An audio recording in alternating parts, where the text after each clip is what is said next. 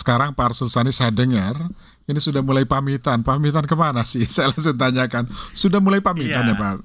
Jadi eh, seperti yang saya kira apa diberitakan di banyak media lah ya Mas Vero ya bahwa eh, saya diberi kepercayaan dipilih lah begitu oleh semua fraksi sembilan fraksi ya untuk menjadi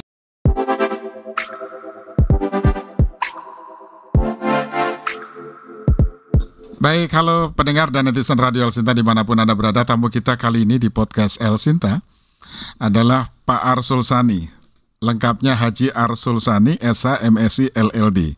Beliau adalah uh, Wakil Ketua MPR RI. Saat ini Wakil Ketua MPR RI dan uh, anggota DPR. Ya, saya langsung sapa Pak Arsul. Halo, apa kabar Pak Arsul? Alhamdulillah sehat Mas Sehat Wiryo. ya? Mudah-mudahan Mas. Wiryo dan semuanya juga sehat ya. Amin, terima kasih. Kalau biasanya saya kan hanya wawancara lewat telepon Ya, Pak Arsul. ya. Sekarang bisa ketemu langsung. Alhamdulillah. Ini untuk pertama kali ini saya bisa berhadapan dengan Mas Wiryo. Nah, Alhamdulillah. biasanya hanya mendengar suaranya saja. Dan saya juga biasanya hanya lihat di Facebooknya Pak Arsul Ya. Sani kegiatan ke dapil, ya, kemudian kunjungan ke mana gitu saya lihat di situ. Ya, Aktif betul Pak. Tapi ngomong-ngomong katanya eh, sekarang itu periode terakhir Pak Arsul Sani di DPR ya Pak? ya?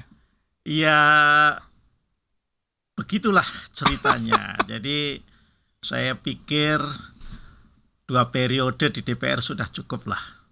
Meskipun kalau DPR itu kan tidak dibatasi sebagai seperti presiden dan wakil presiden ya. Tapi saya pikir eh, sudah cukup. Ada juga sih bercandaannya. Hmm, apa loh. tuh, Pak? Jadi anak saya itu bercanda. Heeh. ayah sudah jangan lama-lama di DPR itu. Kenapa memang? Semakin lama ayah di DPR gitu, nanti kalau meninggal hisap di alam kuburnya semakin panjang. Nah, itu maka terpikir juga barangkali ya saya gitu loh. Ya Oke. sudahlah cukup saja. Tapi memang tadinya desain saya setelah dari DPR itu ya kembali jadi rakyat biasa lah jadi eh, apa ke Pengajar begitu ya? Ya, saat, saya memang bercita-cita ingin menjadi dosen dan juga kembali ke habitat saya lah sebagai lawyer, Lawyer. sebagai konsultan hukum. Wah, ini dia nih Pak Arsul Sani yang setiap saat mungkin ya beberapa kali kita hanya mendengar suaranya. Sekarang netizen bisa lihat nih Pak Arsul Sani secara langsung sudah Ya. hadir di studio podcast El Sinta yang eh, terletak di Tower Indomobil lantai 4 Jalan MT Haryono. Wah, ini Pak Arsul Ya. periode ke eh, eh, sorry episode yang ke 8 ini. Jadi Oke. podcast El Sinta itu baru Pak Arsul. Baru ya. Baru. Ya, ya, ya, Kita ya, kan konvergensi Ya. ya, jadi Ya. kita menyesuaikan supaya jangkauannya juga lebih luas Pak Arsul. Oke, betul. Pak Arsul ngomong-ngomong eh, karir perjalanan karir Pak Arsul ini menarik untuk dicermati Iya. karena dari politisi ke hakim konstitusi. Tapi sebelum jadi politisi, Pak Arsul ternyata sudah malang melintang nih Iya. di eh, hukum ya, maksudnya di dunia hukum sebagai lawyer. Iya. Cerita dong Pak, mulai kapan sih akhirnya Pak Arsul mengambil keputusan eh, gabung di partai? Ya, saya sebetulnya menjadi politisi itu orang bilang kesasar aja ini. Lah kok kesasar? Iya, ada Orang yang kan bilang ada yang bilang tersesat juga. ya. Wah.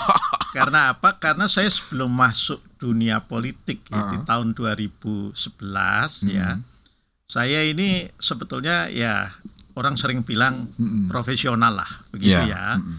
Eh, pernah menjadi direktur di sebuah perusahaan multinasional dan itu cukup lama 14 tahun. Mm-mm. Kemudian tentu juga menjadi corporate lawyer ya, konsultan hukum yang menangani masalah-masalah perusahaan ya, Mm-mm. kontrak lah seperti itu. Dan kemudian masuk ke dunia politik itu gara-garanya saya ya setelah muktamar P3 di Bandung tahun 2011 Hmm, saya iya. diminta oleh Mas Lukman Hakim Saifuddin. Ya, eh, waktu itu Mm-mm. Mas Lukman ini wakil ketua MPR juga seperti Iya. saya dan wakil ketua umum P3 juga Iya. seperti saya. Mm-mm. Melalui eh, senior saya Pak Soleh Amin Mm. ya. Nah, memang pada saat itu saya diminta untuk gabung ke P3 itu untuk bisa membantu P3 tentu ya.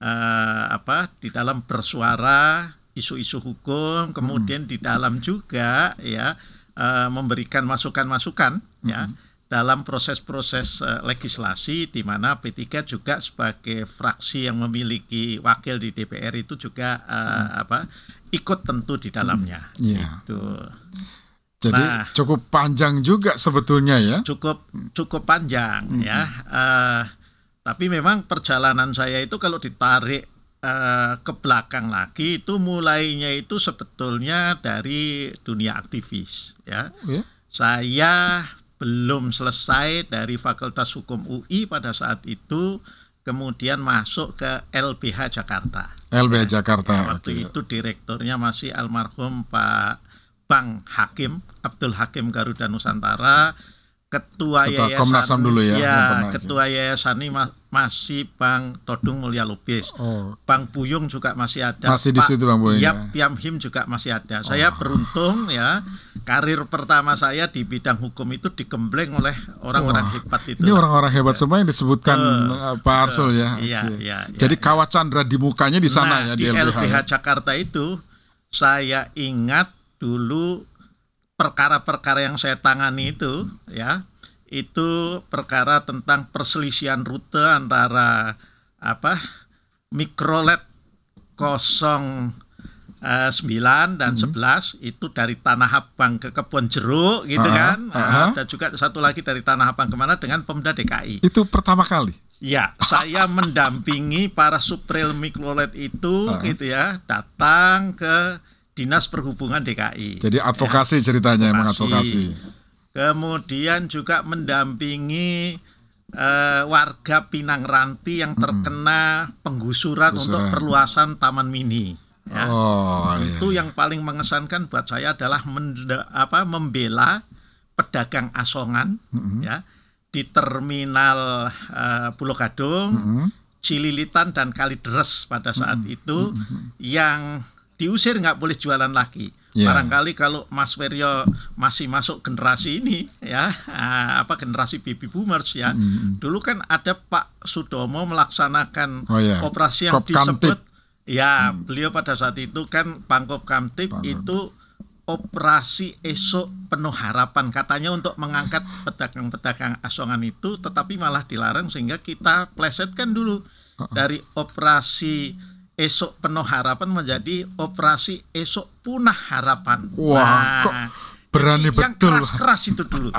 Dan kemudian saya habis itu mulai belajarlah eh, sidang-sidang di pengadilan untuk perkara pidana waktu itu mendampingi sejumlah aktivis Islam Mm-mm. ya yang masih terkait dengan rentetan peristiwa Tanjung Priok karena itu di pertengahan tahun 1985-an. Jadi eh, saya ya beruntung ya pada saat apa eh, masih muda itu punya kesempatan untuk apa eh, berlatih di persoalan-persoalan yang Wah. yang keras lah pada saat itu. Iya keras dan penuh Iya, resiko Pak. betul, Siapa betul. yang Iya. yang berani ketika itu kan Iya, Pak? iya. Itu berani be- berani betul Pak ketika itu kan Pak sudah memasang. Ya, kan waktu itu masih bujangan, Oh. ya. Hidup juga masih teratur, Mas Wiryo. Sehari makan, sehari enggak, gitu ya. Nah, Tidurnya kadang juga di nah, iya, itu. Kalau sekarang kan hidup saya nggak teratur itu. nah, jadi, jadi eh, ya kita ini bahkan saya waktu itu menjadi junior lawyer yang mendampingi senior senior lawyer Pak Bang Asikaf ya. Mm-mm. Terus Bang Luhut Pangaribuan di perkara yang pembunuhan yang dulu sangat terkenal. Oh yang di Kalibata. Dice. Ah Ya, Kalibata ya. Oke. Bayangkan Mas Wiryo, gelap waktu itu di Kalibata itu ya. Tahun 87 itu kita malam-malam disuruh ke sana gitu loh. Kuntilanaknya aja masih banyak itu waktu itu. Nah, tapi itu latihan, latihan ya, latihan. Nah, tapi ternyata ya selamat juga buktinya sampai sekarang itu Iya. apa Dan masih terungkap kasusnya ya. Betul, betul ya. Akhirnya memang pada saat itu kita tentu sebagai tim penasehat hukumnya Pak D ya tentu itu seniornya Bang Asekap sama Bang Luhut ya. ya kita ini masih yang bagian apa uh, asisten lah. Tapi itu, asisten itu justru yang kerja di lapangan nah, itu biasanya. Itulah tuh. yang turun-turun itu. Kalau saat ini disuruh turun malah nggak berani gitu, walaupun kuntilanaknya sudah nggak ada itu malam-malam. Gitu. Luar biasa. Jadi inilah pengalaman ya. Bar Susani awal-awal ya. ya. Setelah lulus kemudian eh, praktek di, ya. di uh, firma hukum. Ya. Awalnya di LBH juga. Ya. Berarti memang sejak dulu DNA-nya itu melakukan pendampingan terhadap masyarakat ya betul, ya? betul. Hanya setelah selesai di LBH hmm. kurang lebih dua tahun itu saya kemudian diminta oleh uh, Bang Buyung ya, oleh partner-partnernya Bang yeah. Buyung untuk membereskan kantornya Bang Buyung. Kita semua ingat saat itu kan Bang Buyung kantornya harus tutup akibat dari membela perkaranya almarhum Jenderal HR Darsono. Oh. Pada saat itu masih zaman Orde Baru. Mm -hmm. Nah, di kantor di ex kantornya Bang Buyung inilah saya belajar tentang korporasi, tentang corporate law. Nah, hmm. jadi kalau di LBH kita belajar tentang hal-hal yang terkait dengan masalah masyarakat gitu ya. bawah, ketidakadilan hmm. yang mereka alami. Hmm. Nah, sementara ketika kemudian saya selesai dan belajar itu saya punya kesempatan untuk belajar masalah-masalah korporat lah sekarang. Hmm. Nah, jadi Ya, saya termasuk kalau naik level lah ya, Pak ya. Nah, hukum itu naik naik level lah ah. itu. Tetapi tentu karena pernah di LBH itu jiwa aktivisnya itu tetap melekat terus lah. Iya. Gitu. Dan ketika masuk di DPR semakin ya. leluasa ya. Betul, hmm. betul. Jadi saya apa? Tentu ketika uh, terpilih diberi amanah jadi anggota DPR ada sebagian gaya-gaya LBH itu yang kemudian kembali gitu ya. Nah, contoh mulai dengan kita pembelaan di masyarakat. Saya ingatlah periode lalu itu di Kabupaten Banggai di Sulawesi hmm, hmm. Tengah. Dan selalu yang kita lawan itu ya grup-grup perusahaan besar, gitu kan. Nah, jadi selalu kepentingan investor. Hmm. Sampai kemudian meskipun uh, partai saya dan fraksi saya itu koalisi pemerintah, kita hmm. uh, apa? bersuara cukup keras juga di kasus Wadas misalnya ah. ya dan saya kira tiga empat bulan yang lalu saya masih bersuara keras juga soal konflik agraria di desa hmm. Pakel Kabupaten Banyuwangi. Banyak, oke. Okay. Jadi memang uh, sudah terbentuk karakter ya. pendampingan kepada ya. masyarakat, keadilan mana yang harus ya. diperjuangkan ya. di situ ya Pak Arsul, ya? meskipun betul, betul. berada di uh, betul. koalisi pemerintahan betul, itu ya. Betul. Artinya saya beruntung sekali hmm. bahwa ilmu dan kemudian semangat yang dulu diajarkan ya oleh uh, apa tokoh-tokoh hukum kita yang hebat ya almarhum Bang Puyung Nasution, Pak hmm. Yap Tiamhin hmm. ya, Pak Haryono, Pak Prinsen itu nggak hilang juga sampai ya. sekarang ya. gitu. Bekas-bekasnya ya masih ada juga lah. Gitu. Beruntung ya Pak Yap ya. Itu kan sekarang jadi nama oh, untuk anugerah itu kan. Anugerah ada Yap Tiamhin Award. Award Pak, itu ya, setiap betul. tahun. Oke. Okay. Nah Pak Arsul selama ini kalau kita wawancara kan masih ya. di Komisi 3. Sekarang masih di Komisi 3 atau kata sudah pindah ya Pak? Iya, jadi saya sekitar dua masa sidang yang lalu ditugaskan hmm. untuk pindah ke Komisi 2. Hmm. Pada saat itu memang di Komisi 2 sedang dibahas dua rancangan undang-undang yang penting ya.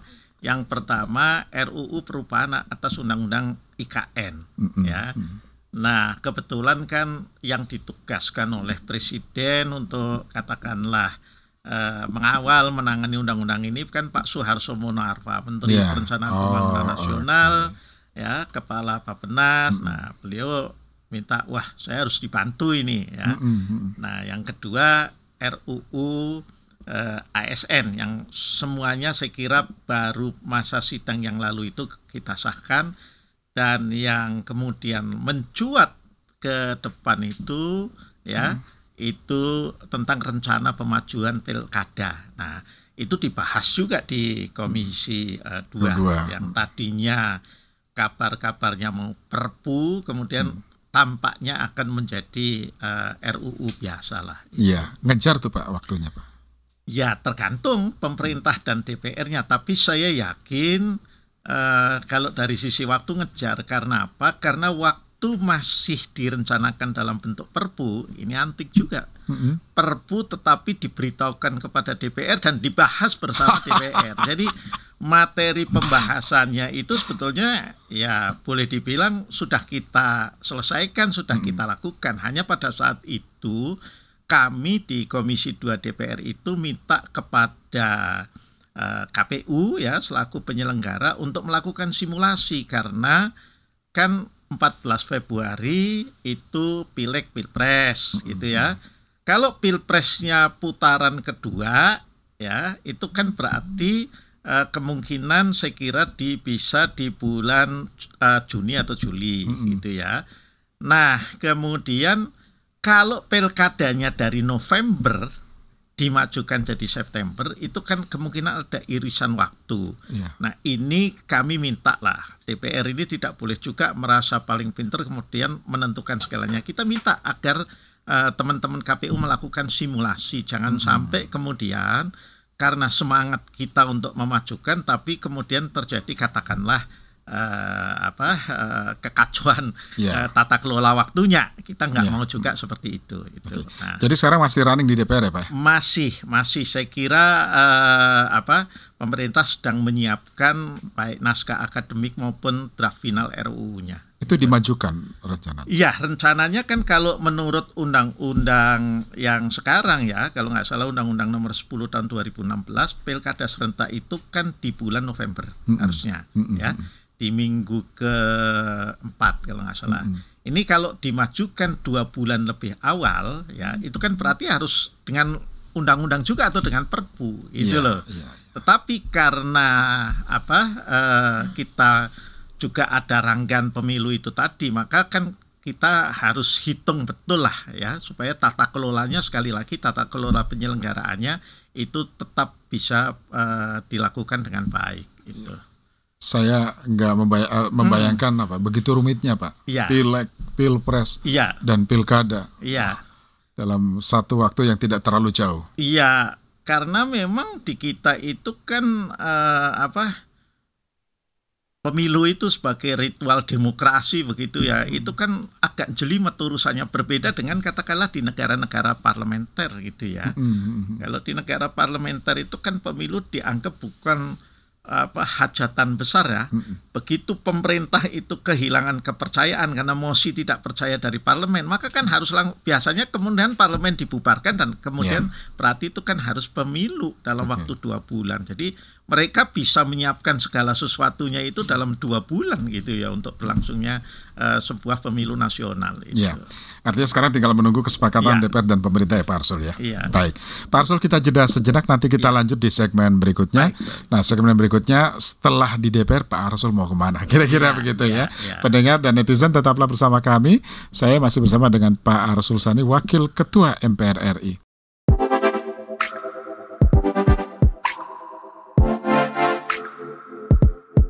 Pendengar dan netizen Radio Sinta, terima kasih Anda masih bersama kami. Kami lanjutkan bincang santainya ya. dengan Pak Arsul Sani. Ini semakin menarik karena sekarang Pak Arsul Sani saya dengar ini sudah mulai pamitan. Pamitan ke mana sih? Saya langsung tanyakan. Sudah mulai pamitan ya, ya Pak? Jadi eh, seperti yang saya kira apa diberitakan di banyak media lah ya Mas hmm. ya bahwa eh, saya diberi kepercayaan dipilih lah begitu oleh semua fraksi sembilan fraksi ya untuk menjadi hakim konstitusi pada Mahkamah Konstitusi Republik Indonesia MKRI. Mm-hmm. Pada waktu proses seleksi dan kemudian saya dipilih belum ada gegeran itu soal MK gitu ya. Masih senyap ya masih biasa. juga gitu ya. Mm-hmm. Nah, apa Kenapa sih pertanyaannya kok kemudian mau pindah dari hmm. apa DPR ke MK begitu ya? Hmm. Tentu pertama bagi saya uh, apa berprofesi atau pekerja atau menjabat sebagai hakim konstitusi itu juga uh, bukan sesuatu yang asing. Kenapa enggak uh, saya katakan uh, bukan sesuatu yang asing? Karena sebelum saya apa jadi anggota DPR, saya itu juga jadi hakim swasta, jadi arbiter. Arbiter. Ya. Baik arbiter arbitrase yang ad hoc ya. Saya juga menjadi anggota dari uh, apa uh, Singapore Institute of Arbitrator, Wah. Ju- yaitu berpusat di Singapura. Oke. Saya juga menjadi anggota dari uh, apa Chartered Institute of Arbitrator yang berpusat di London. Nah, jadi arbiter itu kan juga jadi hakim, Iya, ya. iya, iya. Jadi hakim di lingkungan peradilan yang ada di bawah Mahkamah Agung juga hakim lah tentu Iya, ya. Betul. Dan di Mahkamah Konstitusi itu kan juga hakim, Iya. gitu ya. Nah, jadi eh, kemudian tentu eh, ketika kemudian teman-teman menyarankan mendorong saya untuk menjadi hakim konstitusi, saya punya keyakinan ah bisalah kayaknya seperti ini. Ya tentu eh, apa apa saya kemudian mempersiapkan eh, diri ya. Nah, kebetulan kan selama di DPR saya juga bekerja atau ditugaskan di Komisi 3 Iya. ya Mm-mm. utamanya ya. Nah, itu kan memang membidangi bidang hukum, Mm-mm. hak asasi manusia dan keamanan ya, termasuk urusan penegakan hukum. Jadi sebetulnya itu bidang yang tidak jauh juga ya. Karena kalau kita bicara juga misalnya bidang hukum termasuk juga di periode sebelumnya saya menjadi anggota badan legislasi itu kan membuat undang-undang yang akhirnya diuji juga kan Iya, di iya. Mahkamah eh, Konstitusi. Nah, ya sudah karena itu dorongan dari teman-teman dan saya pikir saya juga punya kemampuan untuk itu saya coba ya. Eh, yang saya agak surprise memang Mas Feryo adalah ketika prosesnya sembilan fraksi itu bersepakat ya, Oh, ya. aklamasi Tidak atau aklamasi, aklamasi? tidak mufakat ya, tidak melalui Oke. voting ya, Iya. eh, karena ada caleg-caleg yang lain. Kalau ditanya eh, kenapa bisa begitu, apa karena temannya sendiri, ya ini Ya, harus ditanyakan lah dengan teman-teman. kan, Pak. Tetapi saya Pengaruh, ya. kira teman-teman itu juga punya keyakinan eh, tentang kemampuan saya lah. Sudah Hmm. dua periode ini bersama-sama kok relatif ya.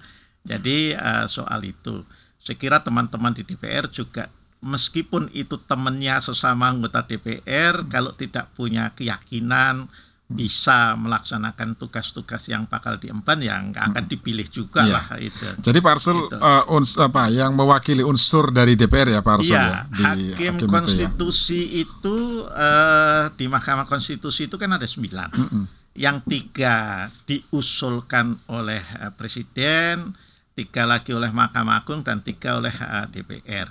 Tapi memang melalui proses seleksi. Nah, memang proses seleksinya berbeda-beda antara Iya. Hmm. eh, apa tiga lembaga negara itu ya. Nah, saya adalah salah satu yang mewakili eh, DPR yang akan menggantikan yang dulu dipilih oleh DPR juga Pak Wahidudin Adam. Oh, Ya, Pak itu. Adam. Oke. It- Menggantikan itu jadi Januari nanti Betul, Januari sudah nanti. langsung bekerja Januari. Pelantikannya kapan Pak Arsul?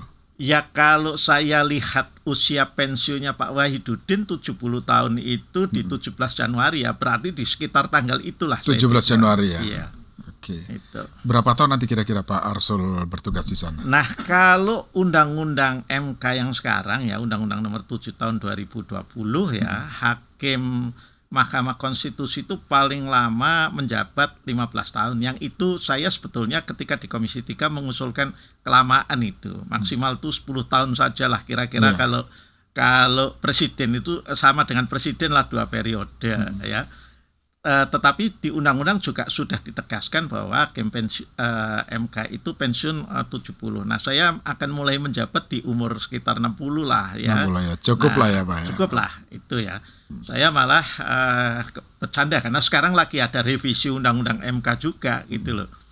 Kalau boleh memilih, saya prefer undang-undang MK itu kembali seperti yang pertama dulu ya. Hakim MK itu menjabat eh, selama lima tahun dan setelah itu ya memang harus ada dievaluasi. Hanya evaluasinya itu harus yang ada fairnessnya dan tidak menjadi pintu masuk untuk kemudian mengurangi katakanlah independensi ya independensi itu artinya kemandirian Iya, gitu ya iya. dan juga imparsialitas ketidakberpihakan ya Karena orang itu kalau menjabat lama tanpa ada evaluasi. Biasanya ya nah, biasanya.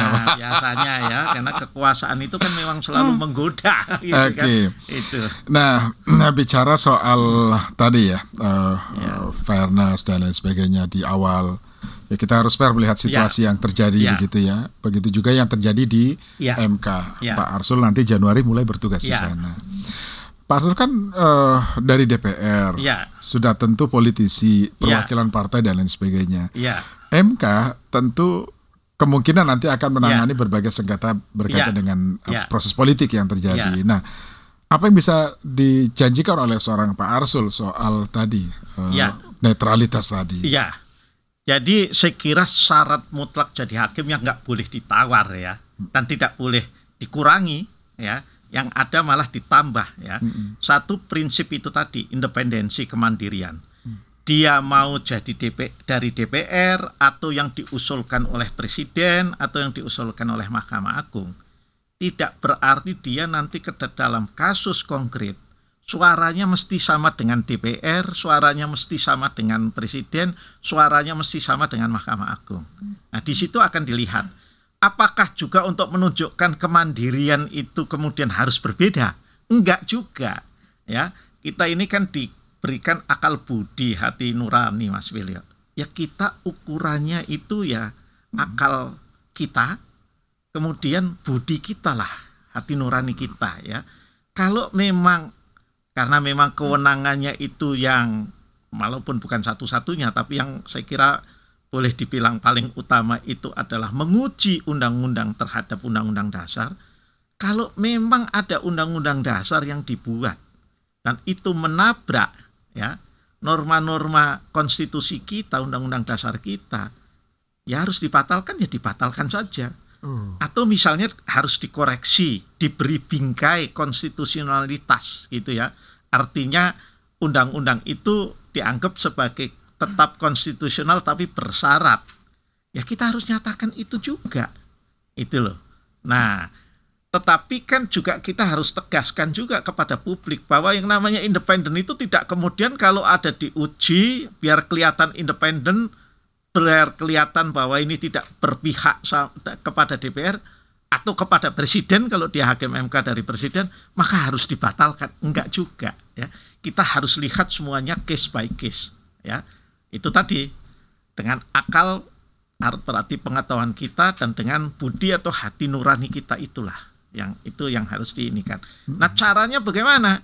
Hemat saya ya MK ini kan juga diberi kewenangan misalnya ketika ada satu perkara itu untuk mendengarkan pendapat dari para ahli.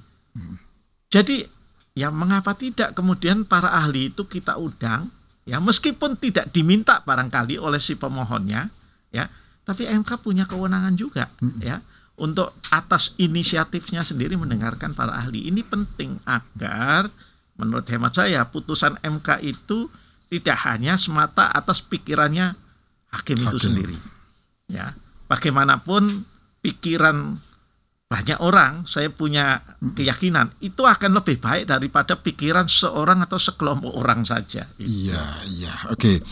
Agar eh, Ya. apa keberadaan Pak Arsul di eh, Mahkamah Konstitusi tidak seperti yang ya kemarin-kemarin Iya. biasa-biasa saja. Kira-kira terobosan apa lagi nih yang akan dilakukan oleh Pak Arsul di sana? Saya lihat ya eh, yang masih barangkali kita semua harus tingkatkan ya kami semua lah para hakim Mahkamah Konstitusi itu. Pertama ya tentu sifat kehati-hatian. Oh, ya.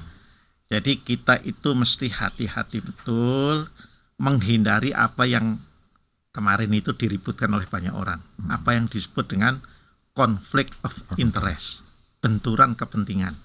Nah, ini kita harus hati-hati Mas Wiryo, ya.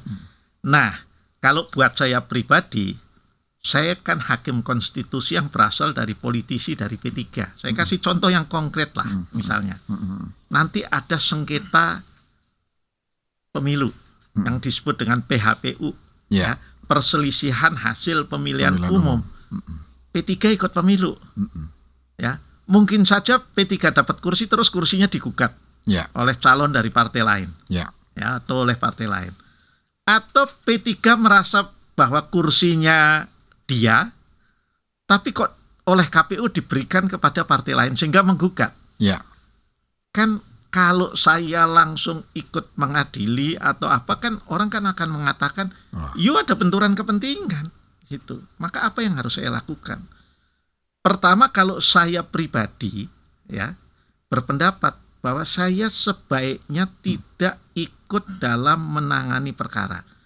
Mungkin hadir duduk pasif bisa karena hakim MK itu hanya ada sembilan dan kemudian yang sembilan ini dibagi kalau atau apa di dalam PH, sengketa PHPU itu jadi tiga panel tiga tiga Mm-mm. supaya tidak tinggal dua saya tetapi saya diam dan kemudian dalam rapat permusyawaratan hakim saya tidak ikut mengambil keputusan itu bagian dari ikhtiar dari hati-hati apalagi kalau yang bersengketa itu misalnya ponaan saya Wah. gitulah gitu loh Sudah otomatis Nah, Pak ya. itu saya harus kemudian juga menyatakan diri di situ. Tetapi kan saya tidak bisa kemudian sak maunya sendiri, maka saya harus bertanya kepada delapan yang mulia yang lain. Ini ada kasus begini, posisi saya begini, apa yang harus saya lakukan? Apakah saya ikut memeriksa, ikut memutus atau bagaimana?